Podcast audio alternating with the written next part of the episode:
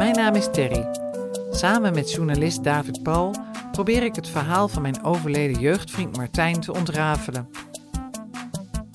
In 21 afleveringen luister je naar mijn persoonlijke zoektocht naar het leven van Martijn, die op zijn twintigste alle contact verbrak met de mensen uit zijn jeugd. Maar was zijn leven daarna eigenlijk wel zo fantastisch?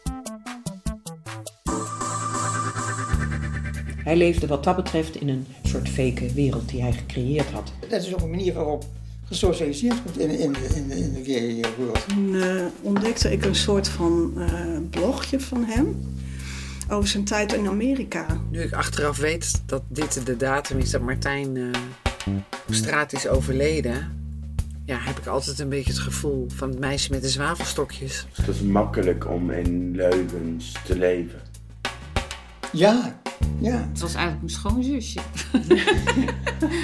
een vriendin schoonzusje was het geworden. Stelt je in op iets en bam, het is anders dan dat je bedenkt. Vanaf 14 december is de podcast Het Fantastische Leven van Martijn hier te beluisteren.